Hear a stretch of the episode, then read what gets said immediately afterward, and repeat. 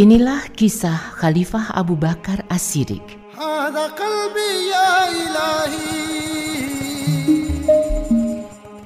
Ali bin Abi Thalib pernah bertanya kepada para pendukungnya, "Siapakah orang yang paling berani?"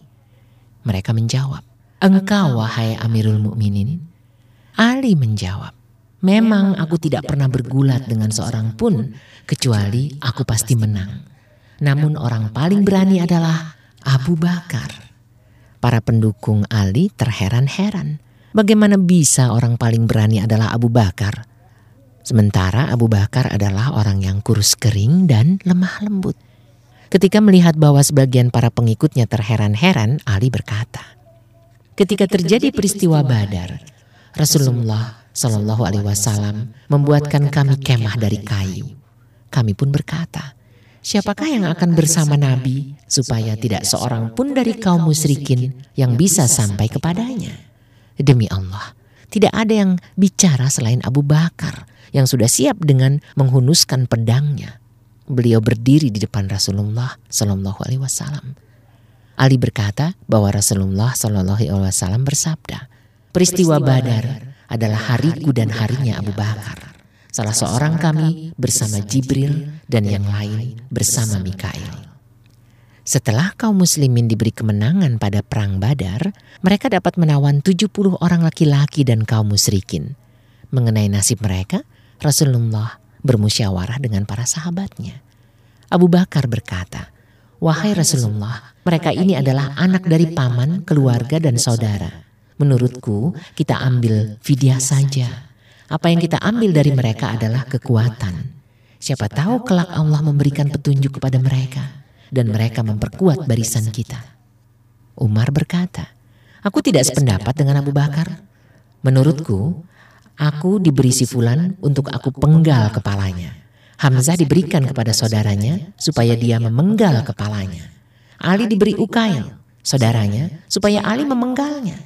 Dari sini orang tahu bahwa dalam hati kita tidak ada rasa kasihan terhadap orang kafir.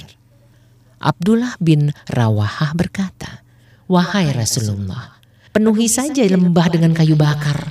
Masukkan mereka ke sana, bakar mereka. Rasulullah Shallallahu Alaihi Wasallam tidak memberikan jawaban. Beliau pun masuk rumah. Orang-orang berkata, ambil saja pendapatnya Abu Bakar. Ada yang berkata, ambil saja pendapat Umar. Ada yang berkata, ambil saja pendapat Abdullah bin Rawah. Rasulullah Shallallahu Alaihi Wasallam keluar rumah lalu bersabda, sesungguhnya Allah akan melembutkan hati seseorang sampai hatinya sangat lembut. Allah pun akan mengeraskan hati seseorang sampai lebih keras dari batu.